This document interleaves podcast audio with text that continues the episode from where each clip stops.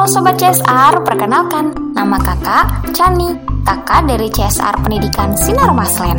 Kak Chani akan berbagi cerita setiap hari Senin pukul 7 pagi. Langsung aja yuk kita mulai ceritanya.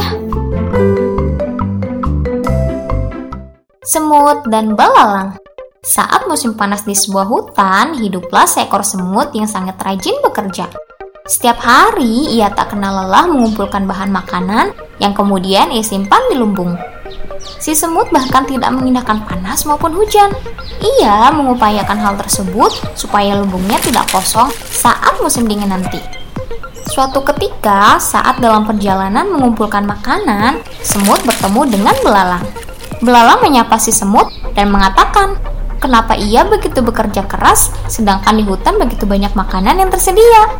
Dengan bijak, semut menjawab bahwa ia tak ingin kehabisan persediaan untuk musim dingin. Sambil memakan daun yang di dekatnya, belalang mengejek si semut dan berkata lagi, Musim dingin masih lama, tak perlu kerja begitu keras, bersenang-senanglah dahulu. Tapi semut tak mengindahkan kata belalang dan kembali meneruskan pekerjaannya. Hal itu berlangsung sampai beberapa waktu di mana si semut semakin rajin bekerja dan si belalang yang tetap bermalas-malasan.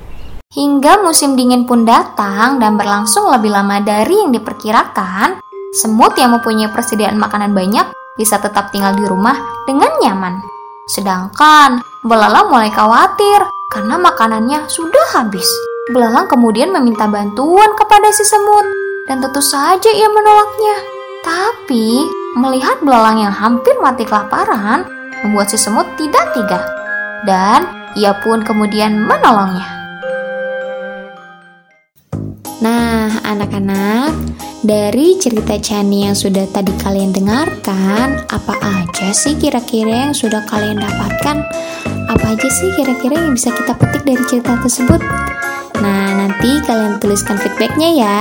Apa aja yang kalian lihat, apa saja yang kalian rasakan, dan juga apa saja yang kalian pikirkan. Nah, nanti sudah selesai, kalian bisa mengirimkannya ke guru masing-masing ya. Oke, Kak Chani tunggu dan selamat mendengarkan. See you.